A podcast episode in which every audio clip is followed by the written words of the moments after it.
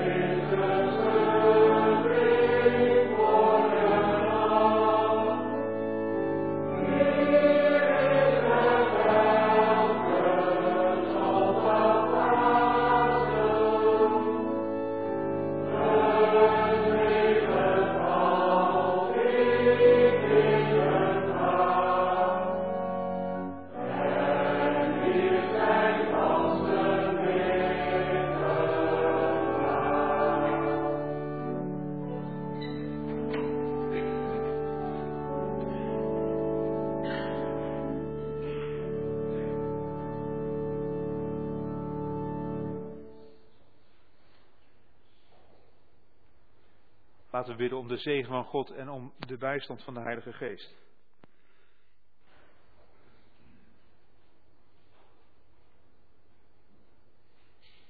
Heer trouwe Vader, we schuilen bij Jezus Christus. We zijn hier om onze lasten bij Hem neer te leggen, om vergeving te ontvangen en uw woord van leven. Dank u dat u zo in ons midden wilt spreken. We bidden, neem door uw geest ook alles weg dat tussen u en ons kan instaan. Spreek tot ons hart, Heer, uw gemeente hoort, door Christus onze Heer. Amen. ja, het is een dienst van, van woord en tafel. En als het om het woord gaat, ik wilde vanmiddag uh, spreken over de roeping die je hebt als christen. En de roeping die je ook vernieuwt als je het avondmaal met elkaar viert en vanaf de tafel ook weer het leven ingaat. Um, en we gaan twee gedeelten lezen. We gaan lezen over een bijzondere roeping. Dat is de roeping van Gideon uit Rechter 6. En we lezen uit onze belijdenis dan een, een kort gedeelte over onze roeping als christen. Dus hoe verhoudt zich die bijzondere roeping tot onze roeping als christen? En hoe gaan we dan vanuit het avondmaal weer de wereld in? Die twee gedeelten worden gelezen door Pia en we zingen na afloop daarvan Psalm 25, vers 2.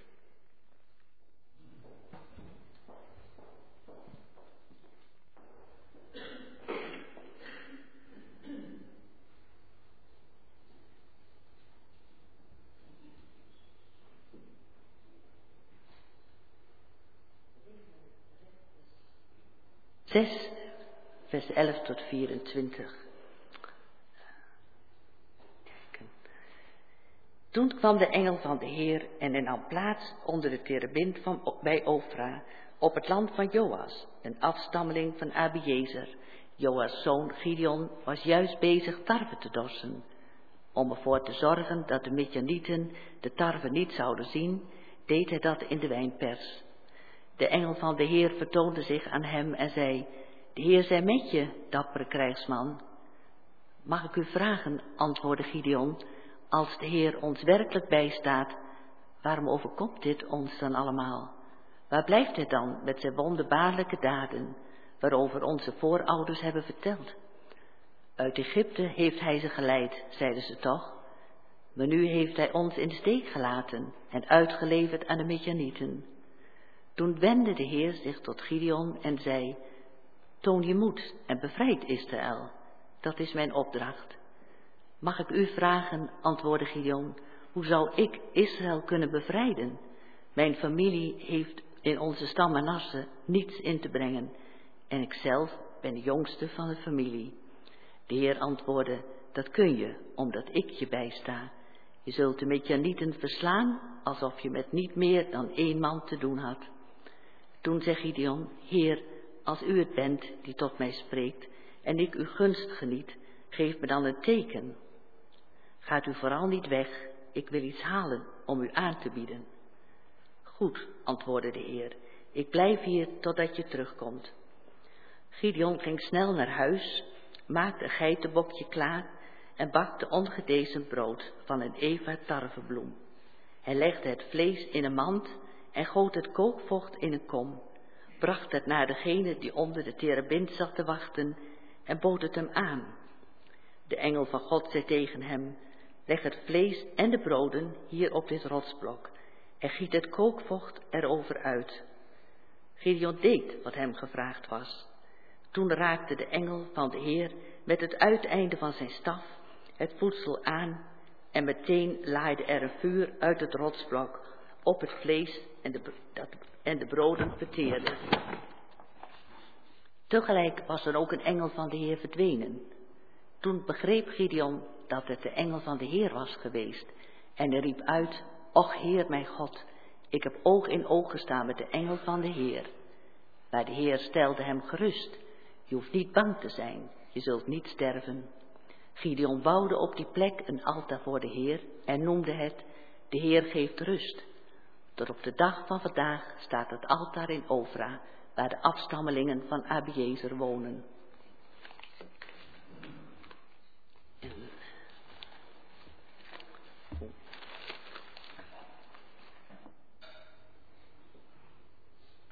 Zondag 12. Eerst dit. Alleen vraag 2. Moet ik eerst doen? Maar waarom wordt u christen genoemd? Omdat ik door het geloof een lid van Christus ben en zo deel heb aan zijn zalving. Om als profeet zijn naam te beleiden, als priester mijzelf als een levend dankoffer aan hem te offeren. En als koning in dit leven met een vrij en goed geweten tegen de zonde en de duivel te strijden en na dit leven in eeuwigheid met hem over alle schepselen te regeren.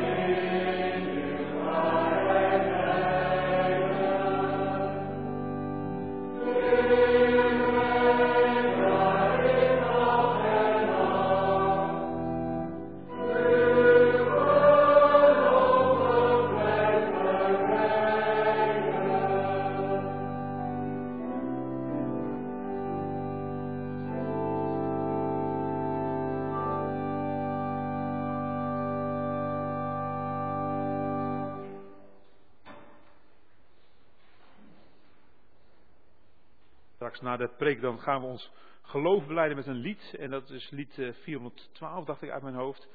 En uh, ja, ik denk dat u daar normaal gesproken bij gaat staan. Dus dat, dat vraag ik nu alvast aan u. Of u straks wilt gaan staan bij die beleidings, bij dat lied.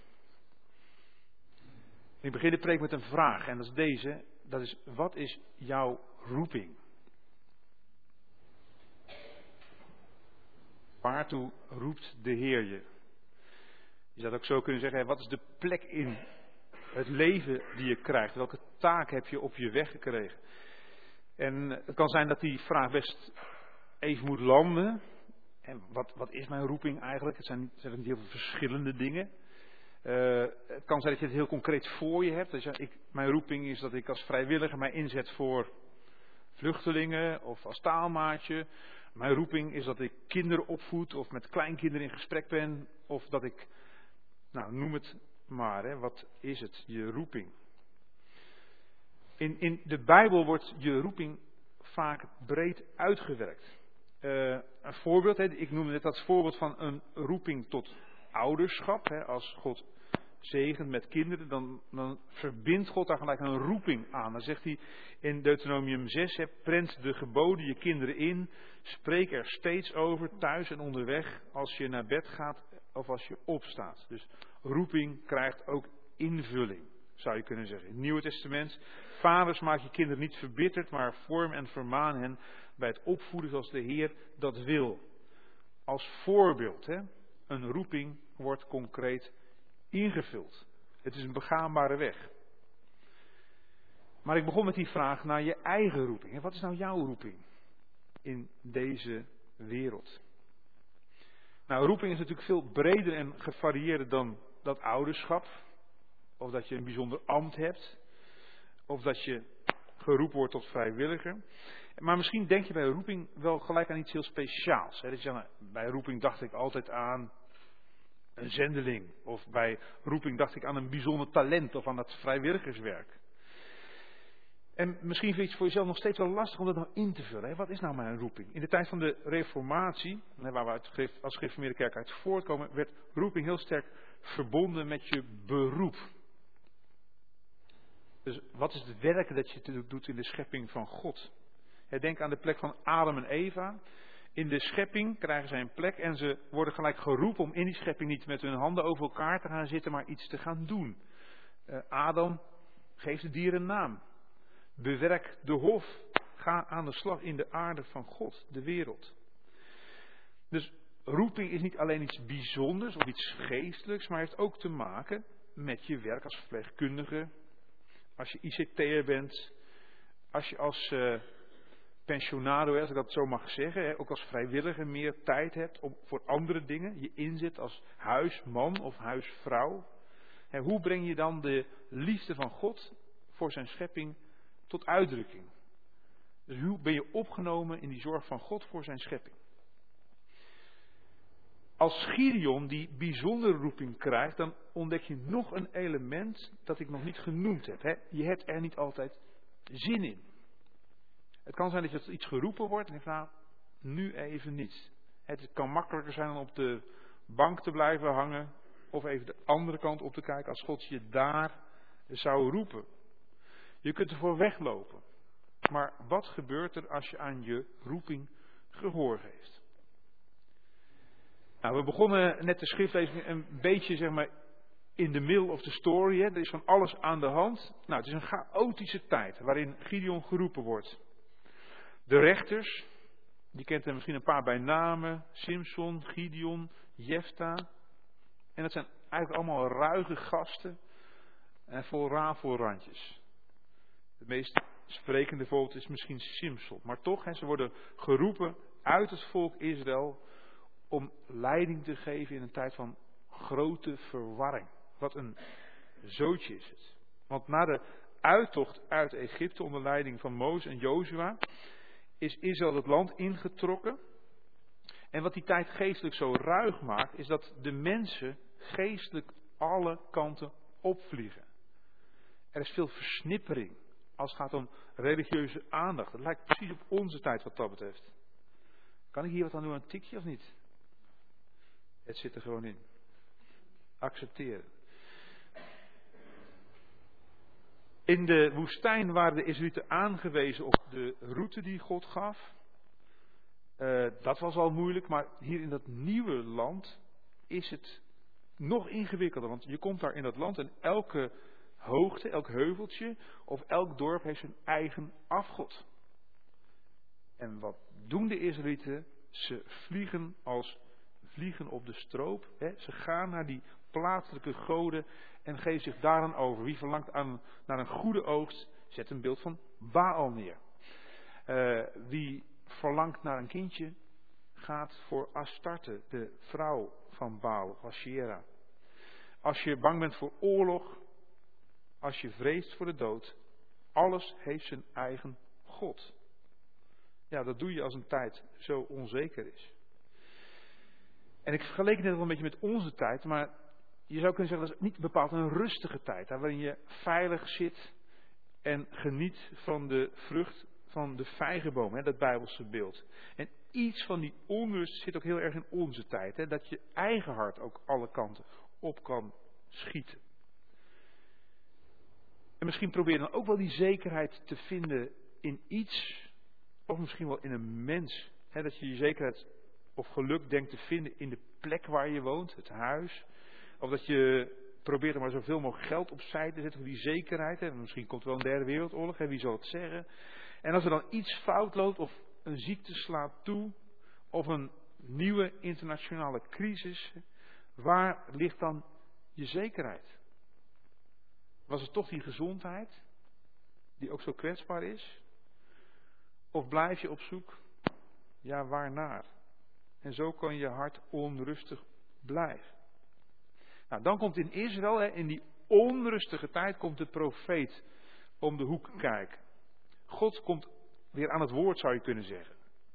En je ziet in, in die tijd van de recht, zie je telkens van die periodes, ook van 40 jaar, dat er gewoon, het gaat van kwaad tot erg. En dan komt God weer terug en spreekt je aan. En dan zegt God iets dat je liever niet wilt horen. God is met jullie op weg gegaan, Israël. Hij heeft zijn verbond gesloten met, met Mozes bij de berg. Hij heeft jullie het land gegeven. Maar vers 10, jullie hebben niet geluisterd naar wat ik zei. Jullie verlangen schoten alle kanten op, maar je hart was niet bij God. En bent zelf zo in dat moeras terechtgekomen. Ja, en daarom ligt dat land nu compleet open voor de vijanden. God had gezegd, hè, als je met mij leeft, dan leef je ook in mijn land. De God van het land is verbonden met veiligheid. Maar als je bij mij weggaat, ja, dan is het land kansloos. Dan zijn de grenzen open voor de Midjanieten in dit geval. Zij komen op uit de woestijn, het zijn nomaden, ze trekken, maar ze gaan als sprinkhanen over dat land. En overal waar Israël gezaaid heeft, Midjanieten zijn niet dom, hè? ze wachten tot de oogst dan boven de grond staat, klaar om te oogsten. En dan plunderen ze alles waar jij zo keihard voor gewerkt hebt. Onder je neus weg. Maar dan zit er in dit verhaal ook een bijzondere knik. De laatste woorden van de profeet suizen nog na in je oren. Jullie hebben niet geluisterd, zegt de Heer. Alles lijkt verloren. Ja, wat wil je als jij het geloof opgeeft en God de rug toekeert? Als je trouw aan God als zand door je vingers is weggegleden. Maar dan komt er toch die onverwachte wending. En dat zie je vaak, hè? dat God inbreekt op je leven terwijl jij al bij hem weg bent. Dat God wel jouw hart blijft zoeken, terwijl je er misschien op dat moment helemaal niet voor open staat. Dat is het wezen, dat is het hart van God. Hè? Dat hij altijd blijft kloppen, altijd nieuwe kansen geeft, altijd op zoek blijft naar verloren kinderen. Het volk dat in duisternis wandelt, ziet een groot licht. En die duisternis is er, je kunt jezelf dat verwijten, maar het, je ziet een groot licht. Of, of midden in die puinhopen geeft God een teken. Zie het meisje zal zwanger worden, een kind krijgen en het zal de naam Emmanuel dragen. Dat is God. God die altijd inbreekt en klopt aan de deur. Ja, en dat zie je in die bijzondere ontmoeting, in die roeping van Gideon. De engel gaat naar een plaats in Manasse. En dat is het meest kwetsbare grensgebied. Hier zie je een kaartje. En op dat kaartje zie je de stam Manasse eigenlijk aan de andere kant, aan de oostkant van de Jordaan liggen. Dus je kunt je voorstellen, als de Midjanieten komen, dan zijn ze dus eerst bij Manasse. Daar ving je de eerste klappen op, zou je kunnen zeggen. En in die stam, in dat stamgebied, gaat hij naar een klein dorpje, Ofra. En dat is weer zo'n lijn in de Bijbel, dat God ingrijpt, dat hij komt op de plekken waar je niks meer te verwachten hebt. In de marge. Een jong meisje uit Nazareth, een klein stadje in Juda, Bethlehem, en hier is het Ofra.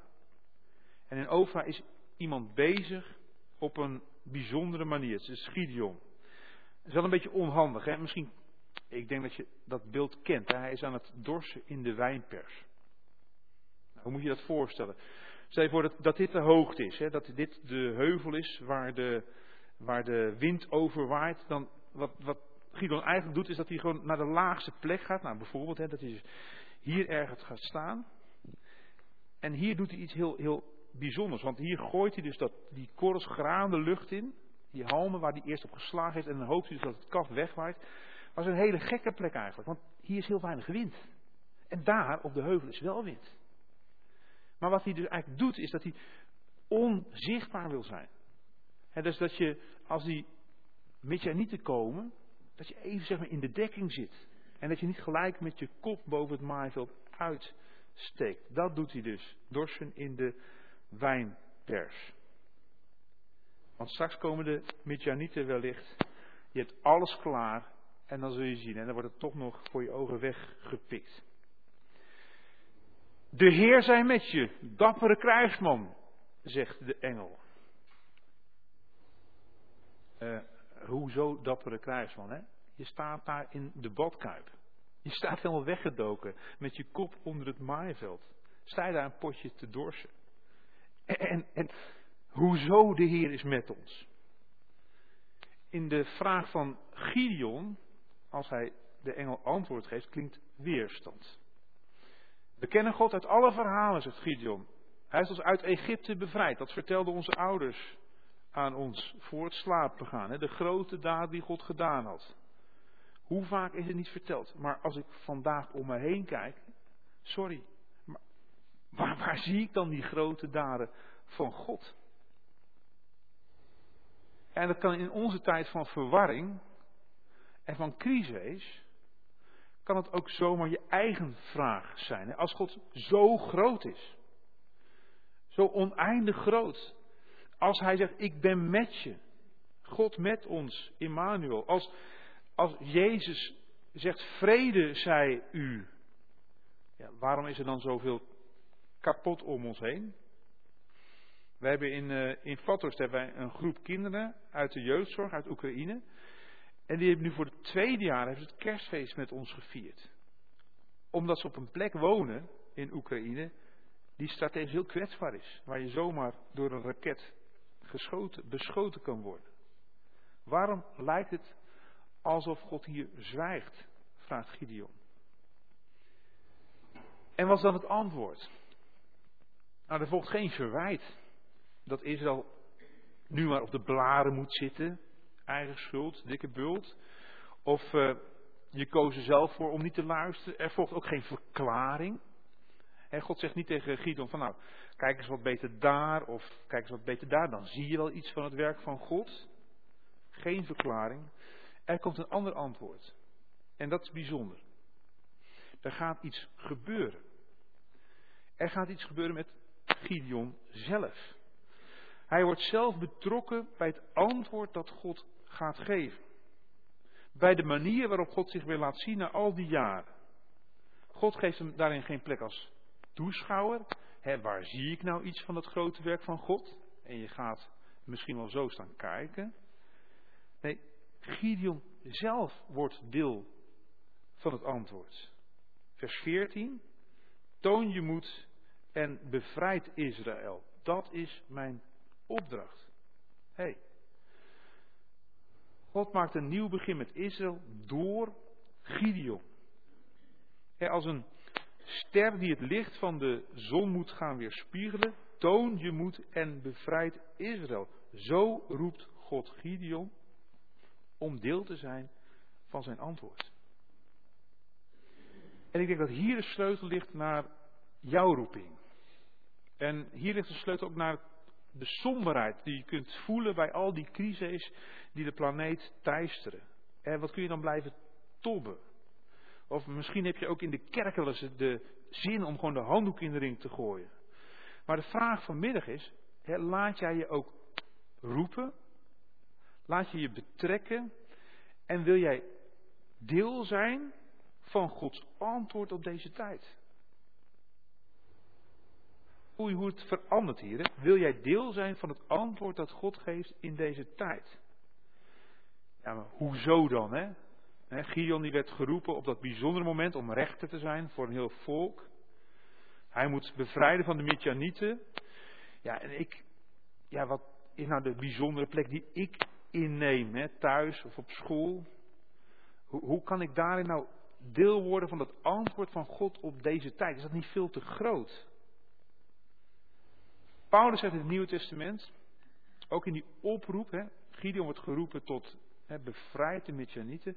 Paulus zegt in het Nieuwe Testament tegen ons allemaal, strijd de goede strijd van het geloof. Er is dreiging, er is crisis, maar strijd daarin de goede strijd van het geloof. En dat is je roeping. Paulus zegt niet blijf maar piekeren of speculeren over rampen die kunnen gebeuren of het waarom van al die dingen.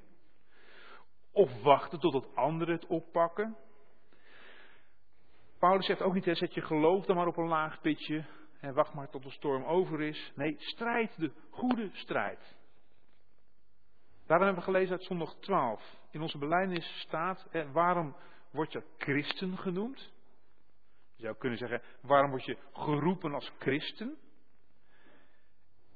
En is het antwoord om als profeet over God te blijven spreken. Dat is belangrijk dat de mensen positief goed over God spreken in deze tijd. Om als priester te erkennen dat ik niet voor mezelf leef. Of dat ik zelf het doel ben van het universum. Nee, dat is God. En om als koning tegen de zonde en de duivel te strijden. En dan heb je weer het element van strijd, de goede strijd van het geloof. Dus daar ligt je roeping. He, profeet, priester, koning, goed spreken, je leven wijden en met de Heer ook naar de toekomst toe, als koning. En het is dan altijd verleidelijk om op de tribune te blijven. Dat is ook voor Gideon. Dat is zijn eerste reactie. Waar is God mee bezig? Ik zie er zo weinig van. je kunt blijven cirkelen in die vragen, in dat kleine kringetje. Ik merk zo weinig van God. En daarom doe ik me niks met mijn geloof. Nou, ik spreek veel met jongeren in Vathorst. En misschien spreek jij ook veel met jongeren hier in het Harde. Ik kan die vraag wel dromen. ik zie zo weinig van God en daarom doe ik maar niks met mijn geloof. Maar kom op, als jij deel van het antwoord bent. Ja, wat God al tegen jou zegt. Hè? Ik wil dat jij deel van het antwoord bent dat ik op deze tijd ga geven. Ja, wat nou? Hè? Ik zie zo weinig van God. Wat nou? Ik doe daarom niks met mijn geloof. Nee, wil jij hoop en licht uitstralen op de plek waar jij bent. Hè? Goed spreken van God, je leven wijden en op de toekomst hopen als koning. En misschien denk je nou wel, dat lukt mij toch nooit. Goed spreken, leven wijden, strijden tegen het kwaad. Precies wat Gideon ook zegt, hè? dat kan ik toch nooit. Mag ik u vragen, vers 15, hoe zou ik Israël kunnen bevrijden? Mijn familie heeft in onze stam niets in te brengen. Ik ben de jongste van de familie. Het zou zomaar jouw antwoord kunnen zijn. Hè? Sta je daar in je eentje stiekem tarwe te dorsen? Een bescheiden baantje? Een achtergesteld gebied, Manasse? En misschien ken je dat verhaal dat Jozef, eh, vader Jacob, vader Jacob, die geeft dan de zegen aan, uh, uh, met de rechterhand moet hij eerst de oudste zegenen, en dat is Manasse, en met de linkerhand de tweede zoon Ephraim, en dan wisselt hij de handen om. En Manasse krijgt echt de laatste zegen, de laagste plek. Een onzekere gast zou je kunnen zeggen. Manasse de underdog, de jongere die zijn mond niet open durft te doen. Of denkt, hè, dat kan ik toch nooit. Jawel. Vers 16, dat kun je omdat ik je bijsta. Jij zult de Midjanieten verslaan alsof je niet met meer dan één man te doen had. He, pof, één man. Ik kan het. In de kracht van God. En dit vind ik een, een, een antwoord waarin het onmogelijke gebeurt. Jij denkt dat je plek klein is, marginaal, maar God zegt, je kunt dit omdat ik je bijsta. Dus jij, met je wankele vertrouwen, met jouw vragen rond die aanwezigheid van God, met je onzekerheid over de toekomst, God geeft zelf de kracht om verder te gaan. En dat is een grote troost in onze kwetsbaarheid. Als God ons bijstaat, als we verbonden zijn met Jezus, de overwinnaar, dan kunnen wij deel van dat antwoord zijn. En bij Gideon zie je hoe onzeker wij kunnen blijven. Hij vraagt zelfs om een teken. Heer, als u het bent, vers 17, die tot mij spreekt. Als ik uw gunst geniet, geef mij een teken. En God geeft het. Maar vandaag gaan we om de tafel van Christus. En we gaan weer onze weg in door de wereld. Op jouw bijzondere plek waar God jou roept. Strijd daar de goede strijd. En hier zie je dus dat God je tegemoet komt op je zwakste plekken. Bij Gideon, die angstig staat weg te kijken in die badkuip. Bij David, die de ene keer zingt, een prachtige psalm, maar God zomaar vergeet als hij Bathsheba ziet. Bij Petrus, die groot van Christus spreekt en toch wegzakt in de golven als hij al die crises ziet die op hem afkomen. Bij volwassenen die bidden maar vaak zo weinig hoop uitstralen naar jongeren. Bij mij, bij jou, als we dreigen weg te drijven bij onze roeping. En daar zoekt God je op. Op die plek, op die plek komt Jezus het goede nieuws brengen.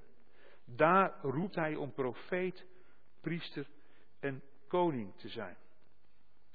En dan blijft eigenlijk maar één vraag over. Als je straks weer de wereld ingaat, of gewoon je plek inneemt, wil jij daar deel zijn van Gods antwoord? Wil jij deel zijn van het antwoord van God op deze tijd? Kan ik dat? Dat kan omdat ik je bijsta met mijn geest, zegt de Heer. Dus als Jezus leeft, als we van Hem zijn, dan wordt dit ons gebed, ons nee tegen Satan, ons nee tegen de verleiding, omdat we licht mogen zijn op die donkere plek en deel van het antwoord van God. Amen.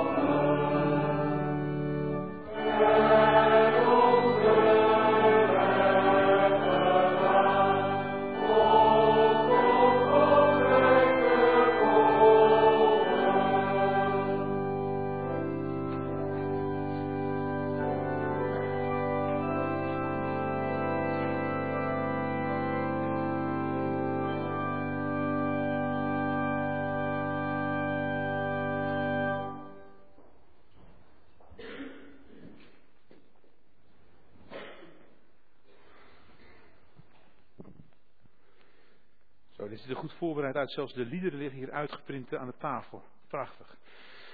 Ehm, ja, wat ik met u wil doen is dat ik eerst die instellingswoorden lees. En daarna gaan we zingen. En dan nodig ik u uit, als u het avondmaal nog mee wilt vieren, om hier aan tafel te komen. En die instellingswoorden die komen uit het evangelie. Uit die laatste nacht dat Jezus nog één keer het uh, Pesachfeest met zijn leerlingen viert. En dan zegt hij iets over wat daar voorbij komt in die viering. Er komt uh, een, een, brood voorbij, ongezuurd. Het doet denken aan Egypte, doet denken ook aan de haast van de reis.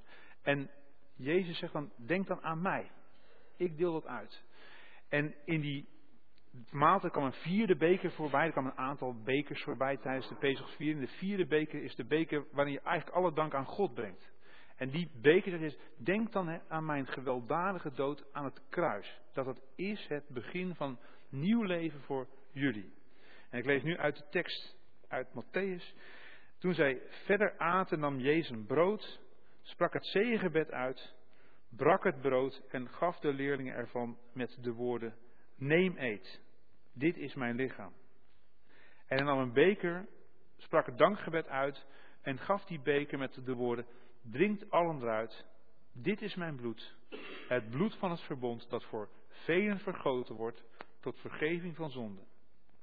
Ik zeg jullie, vanaf vandaag zal ik niet meer van de vrucht van de wijnstok drinken, tot de dag komt dat ik er met jullie opnieuw van zal drinken in het koninkrijk van mijn Vader.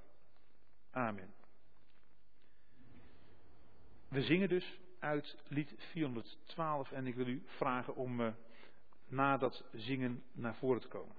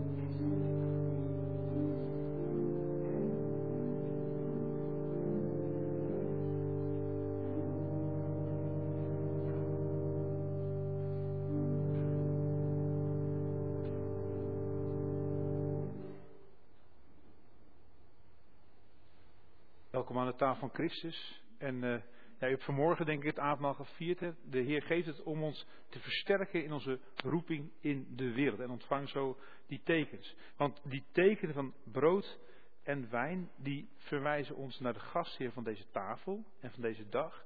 Maar ook naar de Heer in de hemel, die aan de rechterhand is van de Vader. Dat beleiden wij. En we kijken uit naar zijn komst. En dat is ook eigenlijk het accent van de middagdienst, dat je dat ook doet hè, met het uitzien naar Christus voor ogen. We krijgen de tekenen van brood en wijn. Het brood dat we breken is onze verbondenheid met het lichaam van Christus. Neem het brood, eet het, gedenk en geloof dat het lichaam van Jezus gegeven is tot een volkomen verzoening, volkomen vergeving van al onze zonden.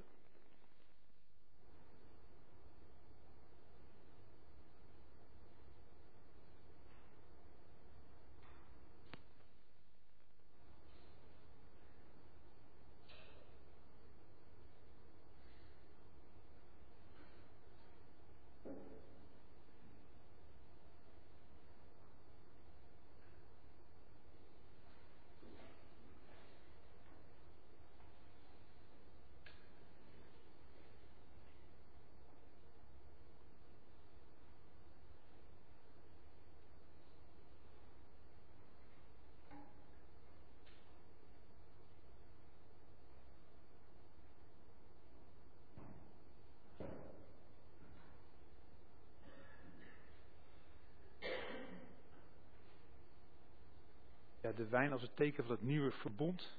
De Jezus zijn leven voor ons geeft.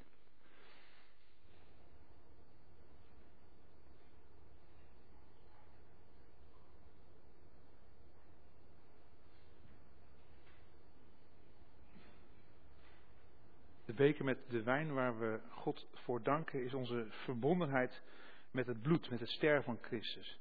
Neem die beker, drink allen eruit, gedenk en geloof dat het bloed van Jezus vergoten is tot een volkomen vergeving van al onze zonden.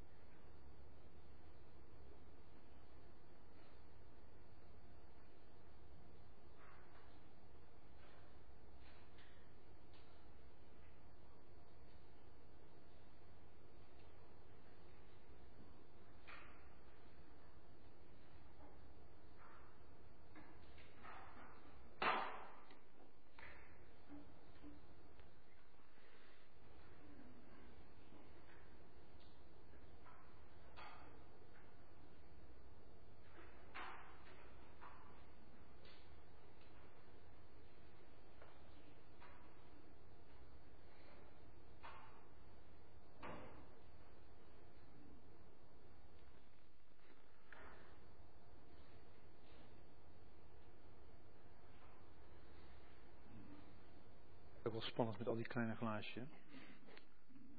Uh, we zullen de Heer danken. U wil ik danken, trouwe levensvorst. En dat lied staat achter ons op de biemen. Dus we moeten even onze nek draaien, denk ik.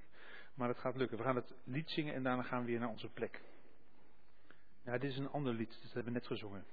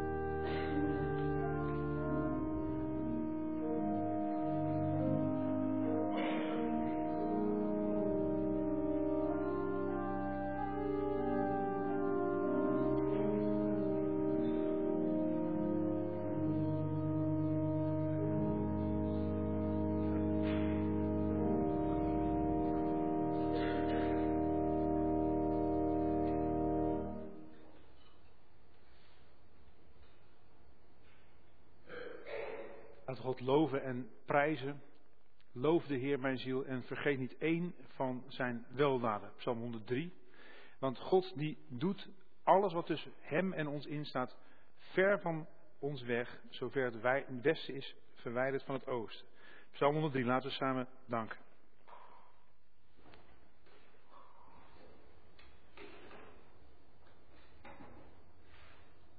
Heer levensvorst, Lam van God, Christus, we danken u dat u zich aan ons geeft en dat we zo leven ontvangen. Heer, help ons om in de strijd van het geloof ook aan uw hand verder te gaan. Vanuit de zekerheid dat u die strijd ook beslist hebt en de macht van het kwaad hebt overwonnen aan het kruis. Heer, we bidden vernieuw het leven, vernieuw ook het leven van de gemeente. Werk met uw geest, waai door deze plaats.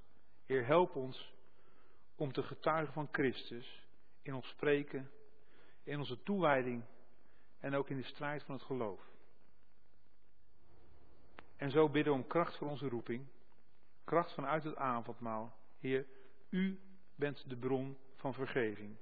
U bent de bron van wijsheid. U bent de bron van schoonheid. U bent de bron van alle dingen.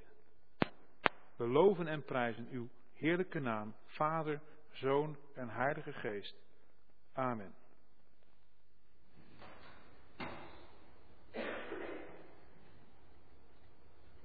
In deze dienst is ook een moment om uh, te geven. Uh, en dat is het collectmoment. En dat ziet u achter mij staan. De collect is bestemd vandaag voor de kerk. En na dat collectemoment gaan we naar ons slotlied om de zegen van God. Vragen wij, vervuld van uw zegen, gaan wij ook weer de wereld in, hè, onze weg naar huis.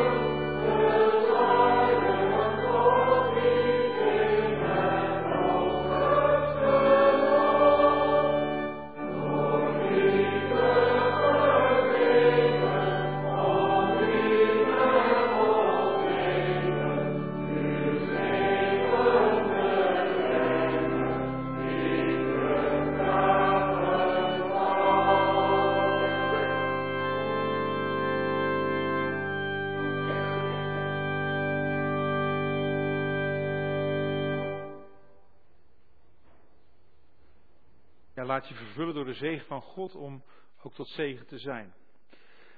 De genade van onze Heer Jezus Christus en de liefde van God. De eenheid met de Heilige Geest. Zij met u allen.